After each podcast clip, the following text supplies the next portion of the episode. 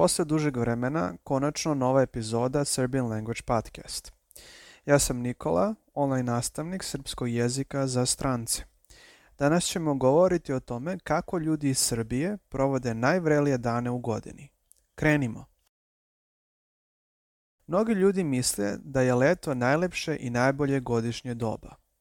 U to vreme obično mnogo nas ide na godišnji odmor dok se jedan deo ljudi sunča na vrućim plažama Crne Gore, drugi deo ipak ostaje u Srbiji i vreme provodi u druženju sa najboljim prijateljima i u putovanju po prelepoj Srbiji. Hajde da vidimo kako izgleda let u Srbiji, ali i u ostatku Balkana. Mora je prva stvar na koju pomislim kada kažem leto već mogu da čujem šum talasa koje se lome na obali Jadrana. Ako planiramo more, većina Srba će prvo izabrati Crnu Goru. Upravo tamo ima najviše srpskih turista. Ovo je zemlja koja je veoma slična Srbiji, a jezik je, može se reći, isti. Srbija i Crna Gora su jedno vrijeme zapravo i bile jedna država, ali su se razjedinile 2006. godine. Crna Gora je jedna mala, ali veoma lepa zemlja. Ukrašena je velikim senovitim planinama koje vode put ka moru. Crnogorska obala je veoma lepa. Mnogo malih plaža sa šljunkom i mnogo lepih pogleda na ogromne planine u pozadini. Najpopularnije mjesto u Crnoj Gori su Budva, Boka Kotorska, Bar i Sutomore. Sva ova mjesta su na obali Jadranskog mora. Budva je najveći i najpopularniji grad na obali. Tu možete naći dobar i zanimljiv noćni život, prelepi stari grad i lepe plaže u blizini. Tipična srpska porodica ide na more u Crnu Goru kolima ili autobusom. Put do Crne Gore kolima nije previše dug, ali to zavisi iz kog mesta polazite. Većina ljudi putuje noću da bi izbegli vrućine i gužvu na graničnim prelazima. Ovako put može trajati od 8 do 10 sati.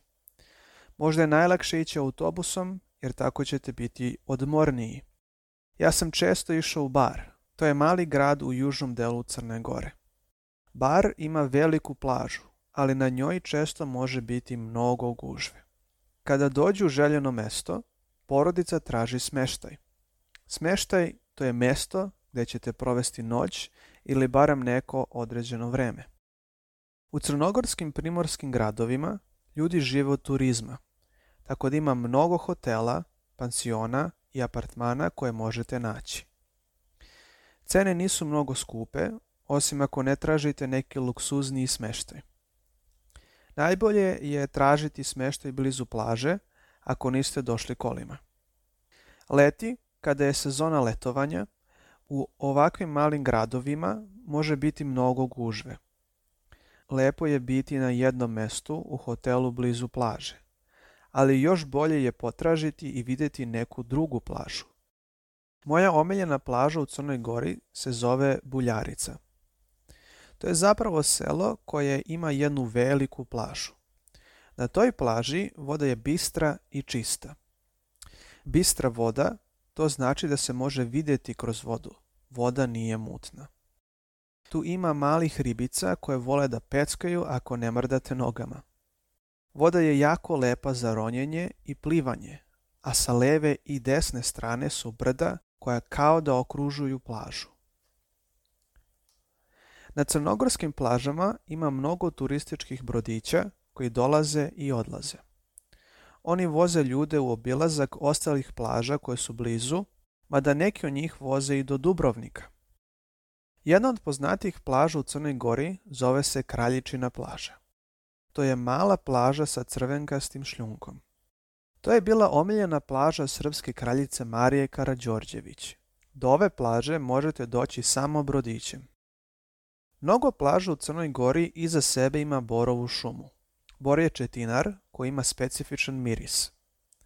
Kada ležite na plaži, možete uživati u mirisu mora i bora dok sušete talase ispod sebe. Plažom uvek šetuju prodavci hrane ili ulja za sunčanje.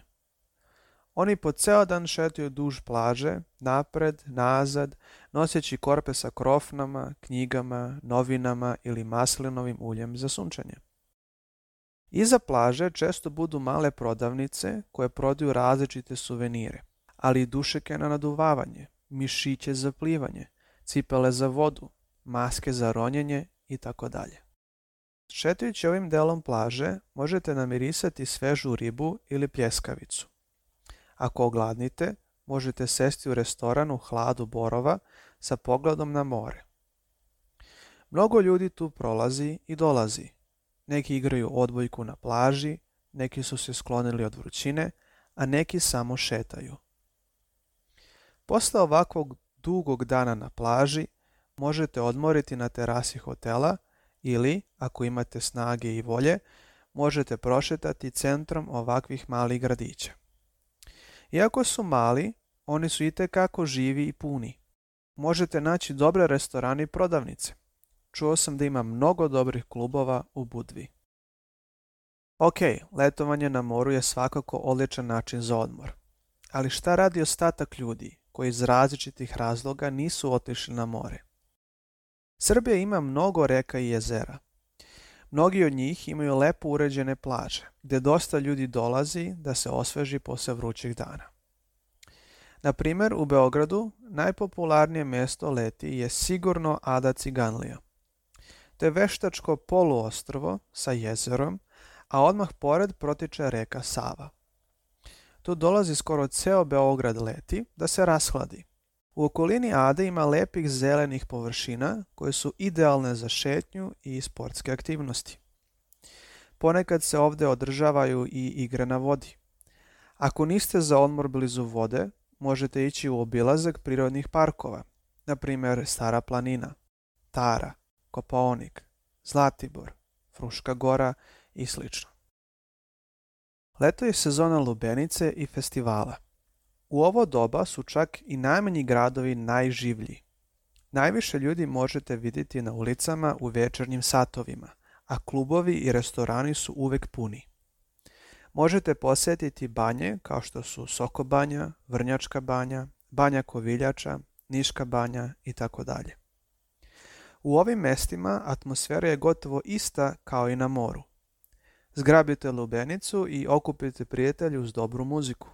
Uveče možete prošetati lepim ulicama banje i sresti mnogo ljudi.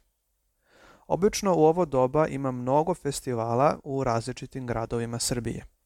Exit i Guča su najpoznatiji, ali čak i u malim gradovima možete naći festivale. Love Fest, Outhide, Festival kulture mladih Srbije, Šabački letnji festival i mnogi drugi. Sve u svemu, Srbija je leti puna života – iako vrućine mogu biti zaista velike i teške u toku dana, u večernjim satima život tek kreće.